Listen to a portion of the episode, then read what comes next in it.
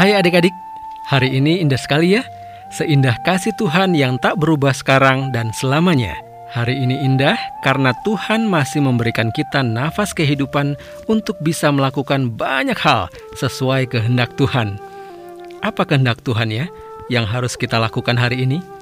Kita akan merenungkannya bersama, namun sebelumnya mari kita berdoa. Tuhan Yesus yang baik, Terima kasih atas pemeliharaanmu kepada kami, sehingga kau berikan kami hari ini untuk dijalani. Ajarkan kami melakukan kehendakmu demi memuliakan namamu. Ya Roh Kudus, bimbing kami untuk memahami dan melakukan kehendak Tuhan dalam firman hari ini. Dalam nama Tuhan Yesus, amin. Adik-adik, bacaan kita hari ini terambil dari Efesus 4 ayat 30 sampai 32. Efesus 4 ayat 30 sampai 32. Mari kita membaca dan mendengarkannya. Dan janganlah kamu mendukakan Roh Kudus Allah yang telah memeteraikan kamu menjelang hari penyelamatan. Segala kepahitan, kegeraman, kemarahan, pertikaian, dan fitnah hendaklah dibuang dari antara kamu. Demikian pula segala kejahatan. Tetapi hendaklah kamu ramah seorang terhadap yang lain, penuh kasih mesra dan saling mengampuni, sebagaimana Allah di dalam Kristus telah mengampuni kamu. Demikianlah firman Tuhan. Adik-adik, pada suatu hari, ada mama bebek dan tiga anak bebek tengah menikmati sore di sebuah sungai. Mereka mengeluarkan suara yang riang senang. Tapi mendadak adik-adik, semua itu berganti menjadi ketakutan saat anak-anak bebek melihat sesuatu yang bergerak di depan mereka. "Ma, awas, ada buaya!" teriak anak-anak bebek. Ya, ternyata mereka melihat kepala seekor buaya. "Ih, serem! Ayo minggir semua, jangan deket-deket. Jahat dia!" ujar salah satu anak bebek.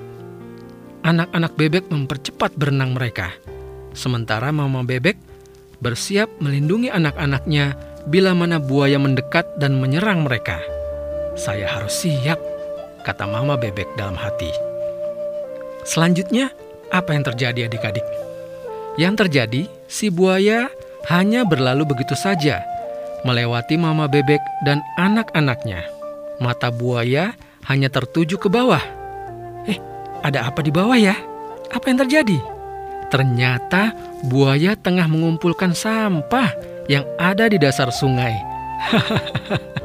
nah, itu adik-adik, ilustrasi komik yang tergambar di renungan harian Star hari ini.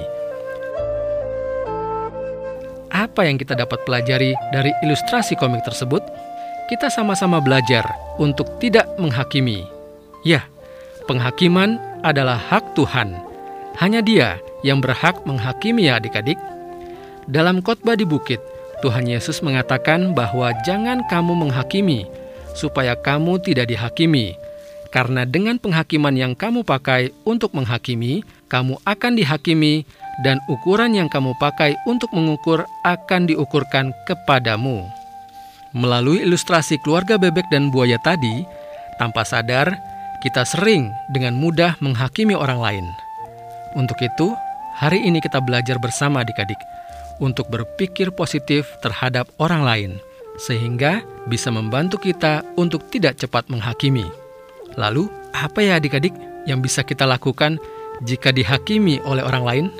Pesan Tuhan dalam bacaan kita hari ini, dalam Efesus 4 ayat 32.